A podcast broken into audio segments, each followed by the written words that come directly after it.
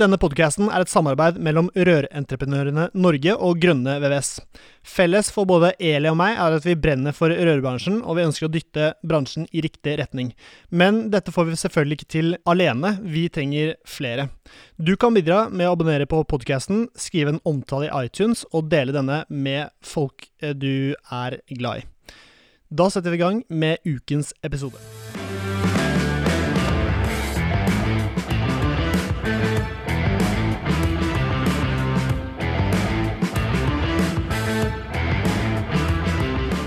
Hei og velkommen til eh, denne episoden med Bare rør med Eli og Poppe. Dette er en videreføring av episoden vi hadde med Gjøran i forrige uke. Og vi har fortsatt Gjøran og Kristoffer eh, som gjester. Så nå fortsetter vi dagens eh, inspirasjon om effektive byggeplasser. Det er først når den fotballen kommer, åssen du agerer da, det er da vi skjønner om du har begynt å skjønne noe av liksom det å kjøre bil. Da. Og sånn er det jo Ja, og, akkurat, og det er jo en del av problemet med byggeprosjekter også, og, og planene som lages, og som er en del av eh, tanken min om å skape en effektiv byggeplass, da, for, å, for å ta tilbake der, det er at eh, planene inneholder kun det som er i planen.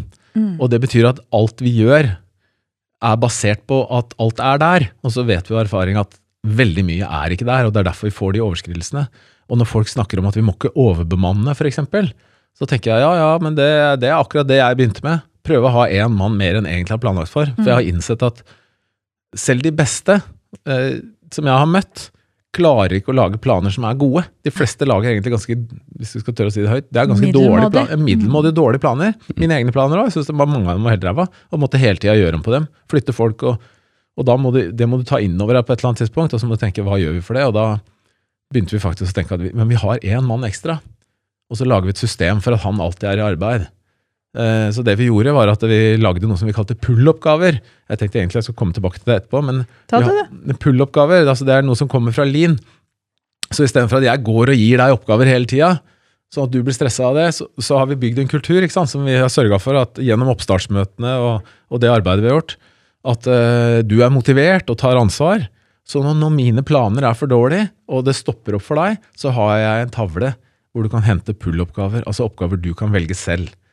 Ikke sant? Nå stoppa det litt opp. Ok, men da skal jeg gjøre jeg skal reparere en skjøteledning, jeg skal gå på taket og skjøte den ene moffa som mangler på taksluket der, for at nå har eh, taktekkeren endelig tekka taket, eller alle disse detaljene som oppstår i et byggeprosjekt. For det er en masse masse saker ikke sant, som hele tida man skal gå tilbake til. Så istedenfor at eh, alt er i hodet på prosjektlederen og basen, så er det skrevet ned. Så står det på ei tavle. Og så går noen og gjør det, og så strykes det av tavla og skriver hvem som har gjort det osv. Så, videre. så man må lage rutiner for sånne ting. Så dette er jo én av elementene i å lage mer effektiv byggeplass. da. Det er jo egentlig bare snakk om å um, få alle arbeidsoppgavene, liten som stor, ned på et sted. Sånn at du faktisk får gjort dem. Ja, absolutt. Eh, altså, um, sånn jeg tenker at du skal lage den prosessen, er at uh, i selve planleggingsfasen så må ha ledelsen en del oppgaver i forhold til planlegging. Det er å skaffe de overordna rammebetingelsene og forutsetningene mm. Eh, og drive med den planlegginga. Og så er det viktig at de som skal utføre, får lov å være med i involverende planlegging. For at de ser ting på en annen måte. Mm. De ser for seg hvordan det er å stå i selve stigen mm. og gjøre den jobben. Mm. De har verktøyet, de har rørdelene, de tenker på andre ting enn det ledelsen gjør. Og det er jo hele poenget. Mm. Og, og derfor bør de involveres i planlegginga og tilrettelegginga da vil de også kunne, eh, når, man kommer til utførelsen, være bedre forberedt og kunne ta mer ansvar i selve gjennomføringen av oppgavene. ikke sant? Og, løse de problemstillingene som da oppstår. For da, da kjenner de jo hele oppgaven og hensikten med det man driver med, og hva man ønsker å oppnå. For det er jo sånn at vi, vi, vi ønsker jo alltid å oppnå bare bli ferdig og montere alle røra, men det er jo noe mer enn det også. Ikke sant? Det er noen forutsetninger, det er noen vegger eller tilpasninger eller timeforbruk osv. Så, videre. så da har de mer kjennskap til det. Så de må involveres i planleggingsfasen for at de skal eh, få en bedre oppgaveforståelse og mer eierskap da, til utførelsen. Og, og sånn klarer de da å kompensere for det som er dårlig i planlegginga. For da vet de hva de skal gjøre. For mennesker er jo kjempegode der ikke sant? på å korrigere for avvik hvis de er motivert for det. Ja, så får du på en måte en greie til, og det var det vi innledet å snakke om. Eh, hva er det som motiverer deg til å gjøre det lille ekstra, stå på litt og trykke på liksom, når det er behov for det? Jo, hvis du har fått lov å være med og prosjektere, eller planlegge da, et prosjekt fra tidlig av, så får du et helt eierskap til det, og da får du mye lyst til å du, har, altså, du tar mer ansvar, da. Ja, ja, helt avgjørende. Helt avgjørende. Og så eh, i tillegg, da, så at eh, når ting bare blir planlagt for deg, og så blir du bedt om å gjøre det, da er jo ikke din plan. Sånn at den planen er dårlig, så kommer du ikke til å gjøre alt du kan Du for bare å irriterer deg over Ja, for at han der tosken er prosjektleder, han er aldri her på prosjektet. Han har ikke sett på to uker. Nå har han ikke bestilt materiell Vi til gjør to som vi vil. Ja, og så, så nå ber han meg om å jobbe skikkelig hardt, og så har han ikke skaffa meg arbeidsbenk, og verktøy mangler, ikke sant. Så det med å drive med involverende planlegging, da, hvor de sørger for å fortelle hva de trenger, de er med på å gjøre anskaffelsene, fortelle hvilket verktøy, stillaser, Og belysning, trenger, når jeg trenger det, ikke sant, og får det du trenger, ja, så, så blir de mer forplikta til å sørge for at ja, men det her var jo bra. For at hvis planen da er dårlig, så er er de med og eier eier den dårlige planen. Ikke sant? Sånn at da er du mer eh, ja, inni det, da. Ja. Og så kanskje det, du får, når de er da også med i den tidligfasen, at informasjonsflyten blir litt annerledes. For det er også litt problematisk når du står ute i felt, og så mangler du informasjon. Og så plutselig Ja, nei, jeg må ha informasjon. Og så er jo prosjektlederen han er jo alltid på farta. Så at eh, når, eh, når jeg da spør om informasjon, så må jeg vente kanskje fire dager, da, eller fire timer for den saks skyld, som Mm. egentlig er altfor lite, før jeg får den informasjonen eh, jeg trenger.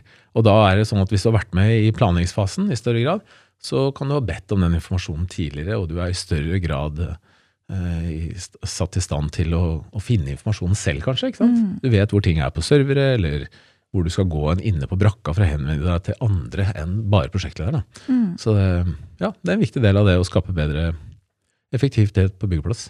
Ja. Mm. Har du mer på blokka, eller? Ja, har masse Jeg på får blokka, høre, da. Jeg, jo, jeg blir litt Så, sånn eh, Ja, ja, så Blir litt inspirert. Ja. Ja, altså, altså det der med å skape effektiv byggeplass, liksom, hvor skal vi? Mm. Hvilke mål har vi? Eh, og da, hvis vi ikke vet helt hvor vi skal, så flyr vi jo litt rundt i ring òg. Så det, det er jo en annen ting, å skape tydelige Veien mål. fram.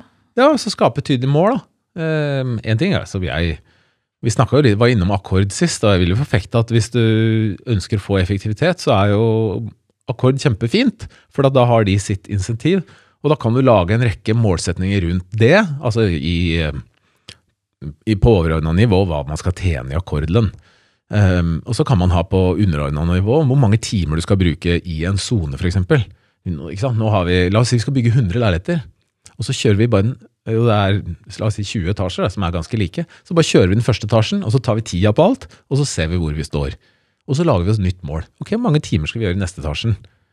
Og neste etasjen. For da Og ser du ikke forbedringsmuligheter. Da kan du se forbedringer. Mm. Og så øhm, i den evalueringsfasen så syns jeg man skal Der er det jo mulighet for å gå kvalitet og effektivitets... øh, eller erfaringsbefaringer, kalte vi det. altså. Vi bare gikk Her kunne vi gjort det isteden, Her liksom. kunne vi gjort det isteden. Sånn gjorde jeg her. Hva gjorde du der? Sett, sett to team til å gjøre samme oppgaven forskjellig sted, og så se hvem er raskest, og så begynne med utveksling. Men da må du igjen da ha bygd den der kulturen i oppstartsfasen, hvor vi ønsker å hjelpe hverandre fram. For de fleste har jo ikke lyst til å gå bort til en rørlegger som er ti år eldre enn seg, og som har gjort noe ja, som kanskje ikke er så bra, da. Og så har du jobba der i fire år, da, eller tre år, eller to år, og så har han andre jobba der Ja, eller lærling, og så har han andre jobba der i 15 år, 20 år. Så skal du komme til han. Men da er det viktig da, å snakke sammen hva er vi prøver å oppnå. Hva er målene våre på det prosjektet her? ikke sant? Og da, ja, så, Sånn kan du jobbe for å faktisk få ned timeverket. Og da har du konkrete mål på det. Og det er mange mål man kan ha. Man kan ha sykefravær eller HMS-avvik eller tids... eh, Hvordan kan du jobbe for å redusere sykefravær, da? Trivsel. Ja. Hvordan skaper vi trivsel? Ja, det er jo en god leder, da. Hæ? Hvordan gjør man egentlig det? Kristoffer, hva jobber du med for å skape trivsel? Relasjonsbygging. Ja, Hva gjør du da for å lage relasjoner? Nei, altså det er jo å sette sammen eh, gode, gode gutter sammen. Da. Altså mennesker som, mennesker som klarer å jobbe sammen. Eh, ikke sette motpolene sammen. For, at, eh, for å få bygd god team, så må du jo ha folk som drar samme vei. Eh, alle har vel forskjellige måter å dra lasset, men det er jo egentlig å finne fellesnevneren som man er med på det sammen. Det er litt uenig i det du sa der. Er det det? Ja, altså det er jo viktig Hvis alle på et lag er helt like, så er jeg redd du går glipp av veldig mye gull. Er det ikke bedre å prøve å putte folk som kan utfordre litt, og som stiller de litt sånn vanskelige spørsmål? Altså jeg bare tenker, Hvis du kan klare å tenke litt mer mangfold, sånn at du når breiere ut, er ikke det en bedre måte å tenke team på? Jo, komplementære team er eh, fordelaktig. Så tror jeg at folk som er helt forskjellige, kan samarbeide godt. Jo, men jeg tenkte også- motpolene, da, de som ikke, Ja, ja. ikke fungerer sammen Ja, i det hele tatt. men det kan hende du kan og- få og- dem til å fungere, da. Ja. Og det spennende med det er jo at eh, hvis du som leder tar ansvaret ditt da, med å skape trivsel og forståelse og jobbe med disse DISA-profilene, så vil det bli langt færre av de. Det er jo Mm. veldig rart hvordan det blir mye mindre konflikter i team hvor man tør å ta opp de vanskelige temaene. Mm. Eh, Jeg nevnte jo det sist. Jeg har jo hatt folk som har vært helt i tottene for hverandre, som har blitt kjempegode kollegaer og venner ikke sant, etter hvert. Så det, så det går absolutt an å gjøre noe med det, men det krever jo da lederskap igjen. Og eh, det må skape sosial trygghet og relasjoner. Rolleavklaring, ikke minst. Ikke minst. Men Det det, må skape den derre Du må gjøre noe mer enn å bare ha forventninger til folk for å skape gode relasjoner. Altså du må snakke om litt eh, andre ting i lunsjen. Kanskje dere drar ut og spiser noen lunsjer innimellom. Kanskje dere gjør noe sosialt på ettermiddagen. Hvis noen trenger flyttehjelp. Det gjorde vi. Bidra, da dro vi hjem, da, så hadde vi flyttehjelp, og så får han, eh, kanskje kjerringa hans diske opp ei kake eller et eller annet. Altså sånn at du kommer i settinger utafor det du driver med. Og sakte, men sikkert så bygger du sosiale relasjoner. Vi dro jo på masse forskjellige sånne hengekøyeturer og var i fjæra i, i Trondheimsfjorden. ikke sant? Så vi hadde jo masse utflukter, var på Åre, var sammen hele helgen. Oppstartsmøtet vårt varte i flere dager. ikke sant? Vi dro på en torsdag og kom hjem på en søndag. Og i den tida der så rekker du å gjøre ganske mye. altså Du har både slåss og ledd og hatt nattester og- og grine litt. Det har vært ganske fulle, ikke sant. Sånn at eh, det skjer en del da, og da begynner du å få på plass en del relasjoner som gjør at den um, organisasjonen din blir litt mer robust da, Mm. når det blåser. Ja, for det kommer jo til å blåse. Ja, det gjør det alltid. Ja. Vi har jo snakka litt sammen, vi, Kristoffer. Det har jo blåst hos deg noen ganger òg. Ja, absolutt. Og det er jo det å være liksom, ha noen rundt deg som det gjør at du har noen å lene deg på å få hjelp av. Det er det det handler om. Enten Ja. du er leder i en liten bedrift eller på et prosjekt eller et stort firma. Mm. Ja, for et, Å drive et prosjekt som en prosjektleder er jo som å drive et firma. Det er, Ja, det er eller et det lite firma. For det, det, det skal jo gå rundt. Det er masse, masse ting som skal gjøres fra ikke bare det at det skal skrus ting, som du sier. Det er jo, alt skal sammen. Ja, og En av de tingene som er så utrolig tøft med det, er jo at hele organisasjonen er ny hver gang. Mm. Og det er litt det jeg syns er litt sånn galimatias i byggebransjen. At du faktisk bygger på et nytt sted, team, ja. på en ny årstid. Et nytt bygg, et nytt team, nye entreprenører. Og så har du to år på å bygge for 700 Aldri millioner vært kortere byggetider heller, vet du. Nei, så det er litt sånn eh, Det kan man jo stille spørsmål med. Ja. Mm.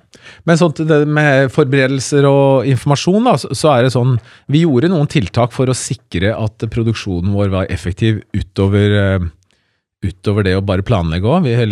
Som blir en del av planlegginga, det var jo faktisk gå forbefaringer. Og det er det noen entreprenører som gjør helt fast. Eh, Det kan vi kanskje Hent få skryt for, for de kjører sånn taktplanlegging. Og da er det forbefaringer. Takt. Taktplanlegging, ja. Altså det er bare en form for fremdriftsplanlegging. Ja. Hvor du da alltid starter på mandager, kan du si. Så da skal Uka skal- planlegges. Ja, altså det er én aktivitet per uke. Ja. Så at du, det er alltid, så selv om du er ferdig på onsdag, så begynner neste aktivitet på, på mandag igjen. Det er sånn taktplanlegging foregår. Men, men uansett, altså det, da går vi forbefaringer, og det kan også være lurt uavhengig av det der. Hvis du bare skal starte med en ny oppgave, at man går en forbefaring, kanskje man kjører, Vi kjørte det vi hadde oppgavegjennomgang, hvor vi gikk gjennom oppgaven da, med rørleggeren, kanskje flere rørleggere, men særlig han som hadde ansvar for oppgaven, og sammen med basen. Og så gikk vi en forbefaring, hvor vi så hvor er det du skal bygge alt det her. F.eks. en ny etasje i et kontorbygg eller et nytt teknisk rom. Så går vi en forbefaring, ser vi er det tilrettelagt. Dette her skal du starte på om ei uke, to uker, tre uker. Hva trenger du? Hva trenger du? Hva burde du tenke på? Sånn at han har tid nok til å mentalt forberede seg. Og så får han da sett ut hvor han vil ha logistikk, lager, varemottak, hvordan er flyten, tilkomsten, er det vareheis. Sånn at du får begynt å preppe alle tinga, for litt av problemet er jo at folk eh, bare setter i gang. Nå er det armer og bein, nå skal vi opp i fjerde etasje, og så er det ikke vareheis, og trappa er stengt for at flisleggeren driver på der, og, og det er liksom bare fullstendig det vanlige. Så eh, da kjørte vi egentlig et ganske sånn eh, rigid løp på hvordan, eh, hva vi skulle gjøre. Med, som starta helt på oppsta- oppstartsmøtet, og så hadde vi eh, oppgavegjennomgang, og så hadde vi forbefaringer, og så kom ukeplanleggingsmøte, hvor vi hadde da overordna informasjon om alt som skal foregå hele uka. Sånn gikk det, da. Så det er, det er en takt igjennom hele prosjektet for å faktisk eh, sørge for at effektiviteten er god. Det er mye planlegging på forhånd, høres det ut som. For å få en effektiv byggeplass, så må man egentlig være ganske godt forberedt og planlagt og satt seg ganske gode, konkrete måter å jobbe på, da. Det er det du egentlig sier. er at Du kan ikke bare hoppe inn som en prosjektleder og bare gønne på, krangle litt og kjefte litt og håpe at dette går bra. Nei, Jeg skulle ønske jeg kunne tegna litt nå, for, at det, for det er litt vanskelig å forklare det her. Men du kan si eh, hvis, hvis prosjektet starter på dag null og så slutter på dag 100, så er det fra dag null til dag rundt 40-50. Du har lite å gjøre med prosjektet. Altså, da styrer du helt prosjektet. Ja, for da, da er det du som styrer prosjektet. Og så i større og større grad så vil prosjektet begynne å styre deg. Ja. Ja, så da gjelder det liksom å ha gjort mest mulig, da. Planlegging og bestemt deg for hvordan ting skal gjøres. Sånn at prosjektet styrer minst mulig av deg på slutten. Og så er det sånn at um, hvis du driver prosjektet dårlig, så må du alltid drive med korrigering etterpå. Altså Selv om det er overlevert for et år siden, så driver du etter avvik og feil. Mm. Og det er dyrt. Påvirker, ja, og det påvirker jo den arbeidet du får gjort i det nye prosjektet ditt. Så du er bare nødt til å komme deg overpå og legge mye av innsatsen din tidlig i prosjektet, og sørge for å tenke på hvordan skal vi gjennomføre prosjektet for å unngå alle problemene som oppstår etterpå hvis vi gjør det på en dårlig måte. Da. Men tenk deg all den kompetansen vi sitter og snakker om at den prosjektlederen må ha nå. Og så er det sånn at eh, hvis du er 20 år og akkurat tatt svennebrev, så kan du bare starte opp et firma. Hvor mye lærer du om dette her når du tar svennebrevet? Jeg hadde ikke hørt om det. jeg. Nei. Nei. Det er ganske Men det er sprøtt. dine penger du tapper da, vet du. Så det, det Men- du kan da, er faget, ikke sant? Og det er det Jeg kan du krever. faget når du er 20 år? Nei, ja, men du kan jo i hvert fall det som kreves for at du skal få lov å installere dasser og Ja. legge vannrør. da. På et visst nivå, ja. Mm. Så det er jo på en måte det der å eh, få fram at dette, å drive et prosjekt, eller å drive et firma, eller å lite eller stort prosjekt, det er ganske omfattende i forhold til Det er planlegging, som du sier, Kristoffer. Det er det vi kommer tilbake til hele veien. Ja, gode rutiner å Gode rutiner og gode forutsetninger for å kunne få det til. At, eh, at det er noen som deg da, som kan fortelle, eller eh, kan, kan gi de verktøyene som, som sørger for at eh, man alltid klarer å gjøre jobben sin. Da. Det er eh, prosjektleder, trainee eller prosjektleder lærling høres jo helt superfornuftig ut. Ja, det det ikke, jeg også. Det, det er helt superfornuftig. Og det, det er veldig rart at uh, ikke flere gjør det. For det er veldig mange prosjektledere som kommer fra å være rørlegger og hopper opp og blir utbrent ganske kjapt. Ja, det er det- Det er går på much, liksom. det, er vel ingen, det er vel ingen som går inn i læra og bare får eh, fullt verktøy og bil og sånn. Gun på nå, dra, til, dra og fiks det. Ja, det faktisk. får det, du. Seks måneder jobba jeg for omlegget før jeg var aleine. Men jeg syns det var helt storarta. Men, uh, Men noen får jo beskjed om at eh, du må bare prøve deg fram. Er det ja, mange det er jo helt håpløst. Ja, Altså, det er der det. burde jo mista godkjenninga si med en Ja, gang. det er men jeg helt enig. Men mange rørlegger, gode, gode i gåseøyne, gamle rørleggere er jo av den formening at vi kaster deg bare på dypt hav. Jo, men sånn høres høres ut som prosjektleder også blir Det er jo det eh, prosjektledere blir òg. Kasta på i Ja, dypt hav. og det, det, det er jo ganske skremmende. For nå har jeg møtt en 50 prosjektledere da, siste året. Ja, litt i underkant av 50, da. Og tre-fire stykker er på gråten, vet du. Ja, For det blir for mye. Det er så tøft. Ja. Det er så høy belastning. Ja, det er det. Det er så mye stress. Og når, eh, når Roar og jeg kommer med de ideene om hva de skal drive med av eh, analyser og strategi og håndtering av mennesker og sånn, så bare er det bakoversveis. Dette driver ikke jeg med, og hvordan i helsike skal jeg få til det her, liksom? Jeg har nok å gjøre fra før. Ja, ikke sant. Så, men det er jo snudd den der mølla, da, ikke sant? Fra å drive og trå vannet helt vilt, til å flyte på overflata. Så er det ikke gitt at alle klarer å være prosjektleder. Da. Det er det som er litt, jeg er litt skremt av det at folk tenker liksom at eh, altså bare for at du er en hyggelig kar eller dame, så skal du liksom Han eller hun er så flink. Det er ikke gitt at du blir en god prosjektleder, eller at du har nerver til det, ikke minst. Ikke minst. Og det er, det er veldig mange som blir utbrent av det. Veldig mange som går på trynet.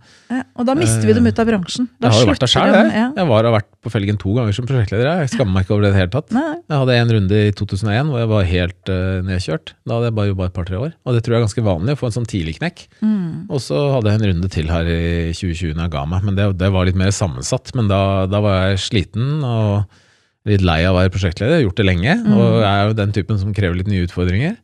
Uh, I tillegg til at det foregikk ting på privaten. Da. Som, uh, så totalbelastninga blei høy. Og da, da er det ta pause Ja. og sette hos mange. Mm. Det, sånn er vi mennesker, da. Når du legger sjela di i ting, og så Mm. du bare Det renner inn med mailer og telefoner og avvik og vannlekkasjer og forsinkelser og I det hele tatt. Ja. Høres ut som hverdagen. Ja, altså, jeg Ja. kjenner jo at dette kunne vi snakka om, men dette blir tidenes Jeg tror vi sa det sist òg, at det ble en veldig lang podkast. Det blir jo en veldig lang podkast i dag òg. Men sånn er livet. Jeg syns dette er et kjempespennende tema. Har du enda mer på hjertet? Har mye mer på hjertet. For, hvor lenge har jeg igjen nå? Egentlig så burde vi avslutta for lenge siden. Eh, Ja, det vi- Severin som alltid setter streken. nei, men jeg tenker, jeg er jo veldig dårlig til å slutte når jeg har det bra. Da vil jeg bare at det fortsetter. Ja, nei, jeg tenker jo i, sånn, i forhold til i hvert fall eh, utførelse på byggeplass. da. Jeg hørte et uttrykk som het lean ikke sant, en gang i tida. Ja. Det er de fleste har hørt om lean. Så det er Jeg tror ikke så mange vanlige rørleggere har hørt om lean. Nei, men jeg tror mange i ledelsen har det. Altså, lean er um, Det er sånn Toyota begynte å bygge biler i Japan. Og så har det blitt en sånn lean-metode, og jeg er slett ikke utdanna på det. Men jeg hørte om det mange ganger, og klarte egentlig ikke helt å forstå hva det var. Eh, og så er det vanskelig å ta inn over seg når man hører hva det er, at det går an å bruke det i byggebransjen. Men det er jo en metode for å drive fabrikkvirksomhet, produksjon. Eh, hvor en av elementene er noe som heter 5S. Som er- handler da om å sortere, systematisere, strigle, standardisere og sikre kvalitet da, og resultat. Eh, og når jeg eh, første gang var med på sånn lean-kurs med Hent i Milano, og kjempeflott i 2019 må det ha vært, eh, kjempebra, da trigga det i meg. For hva kan vi standardisere, systematisere og strigle i byggeprosessen? Når alt er så forskjellig hver gang. Og så begynte vi å tenke ja, men noen ting er likt hver gang òg. Hva er det? Jo, informasjonen jeg skal gi, den er mye av den samme informasjonen. Ok, men da må jeg standardisere den. Da må jeg sørge for at den blir gitt likt hver eneste gang. For da er det lettere for de å tolke den etter hvert. I starten så kan det være vanskelig. Etter hvert så er de vant til å få informasjon sånn. Det er lageret vårt. Sånn som etasjelagre, de må være like. Ute på byggeplassen så må etasjelagrene være like. Sånn at jeg kommer inn i et rom, så er liksom sprinkler til venstre, avløp til høyre, ikke sant? Plastdeler sånn og sånn. Så at det, er, det er som på Rema. Det er ikke identisk hver gang, men de er like. Du kommer du først til frukt og grønt, og det er godteri når du går. Melk er innerst. Mm. Altså, alle veit det her, ikke sant? Ja, men alle veit det jo. Men det er en grunn til at det er sånn, da. Ja, nettopp. Og sånn må også eh, lager være. Og jeg mener at alle bedrifter med litt størrelse på burde si at sånn ønsker vi å ha det. Men, øh, men ledere tør jo ikke å utøve lederskap til å si at sånn skal vi ha det. Nei, alle skal få lov å bestemme sitt sjæl. Og hvis alle Rema butikk, Kjøpmenn skulle få gjort som de ville gjort som selv. ville sjøl, så hadde alt sett forskjellig ut. For det hadde vært grønnsaker ved, disk, ved kassa på den ene. Og det er, ikke- det er ikke bra. Men det er utfordringen med mye av det vi driver med, at vi skal helst være oss sjøl først. Ja. Vi skal liksom ikke være en del av et fellesskap. Nei. Det er men, Ola men, Dunk. men allikevel, da, så, så, så, så vi gjorde det. Vi standardiserte satellittlagre. Altså vi standardiserte hvordan arbeidssonene skulle se ut. En del av lean er også å jobbe effektivt, så du kan ikke ha materiellet på gulvet når du står og jobber i en stikkebenk. Da må altså materiellet opp fra gulvet, sånn at du står oppreist. Du kan ikke bøye deg ned 300 ganger om dagen. Altså Det blir du sliten av i lengden. Du bruker tid. Masse tid, og du blir sliten det ja, det. blir vondt i ryggen. Sto på gummimatter, og- begynte å bruke whiteboards. Så jeg kunne, jeg kunne fortsatt en god stund til. da. Men det, spesielt det med whiteboards og planer. da. En del av lean er at hvis du har en plan, så skal du kunne se på den i 30 sekunder, hvem som helst, så skal du forstå hva planen inneholder. En fremdriftsplan, f.eks. Så hvis du ikke forstår den på 30 sekunder, er så må du, ja, da må du lage en ny en som Mm. er enklere å forstå. Og det var en av de tingene vi gjorde. Vi brukte store whiteboards, litt sånn som dere har på veggen her. Kjempeflott, forresten. to ganger to meter, eller to ganger én meters whiteboards. AJ-produkter selger det, kjempebillig, bare kjøp folkens.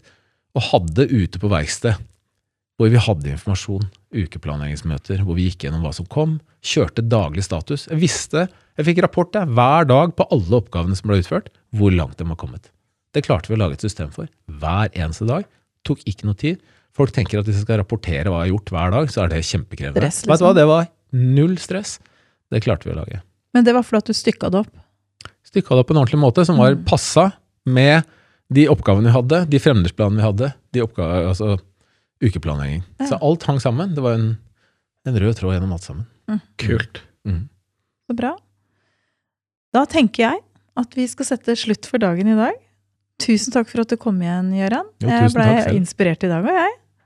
Du og Kristoffer, du kjente at det trigga litt i lederutviklingsmulighetene dine? Ja, jeg har lært noe i dag òg. Så digg. Det liker vi. Det er best jeg vet. Og vi håper at dere som har hørt på, også har fått inspirasjon til å gjøre noen nye grep. Sier jeg takk, og tusen takk for at dere kom. Så høres vi. Ha det. Ha det.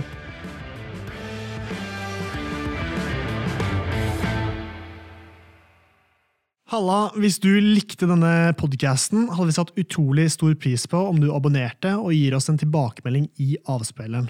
Eh, spre gjerne ordet videre til andre i rørbransjen som brenner for rørleggerfaget og er opptatt av å drive en seriøs rørleggerbedrift. Mitt navn er Severin Poppe Midteide, og med meg har jeg co-host Eli Hermine Heidal Eide. Sammen er vi to podkasten Bare Rør med Eli og Poppe. Et samarbeid mellom Grønne VVS og Rørentreprenørene Norge.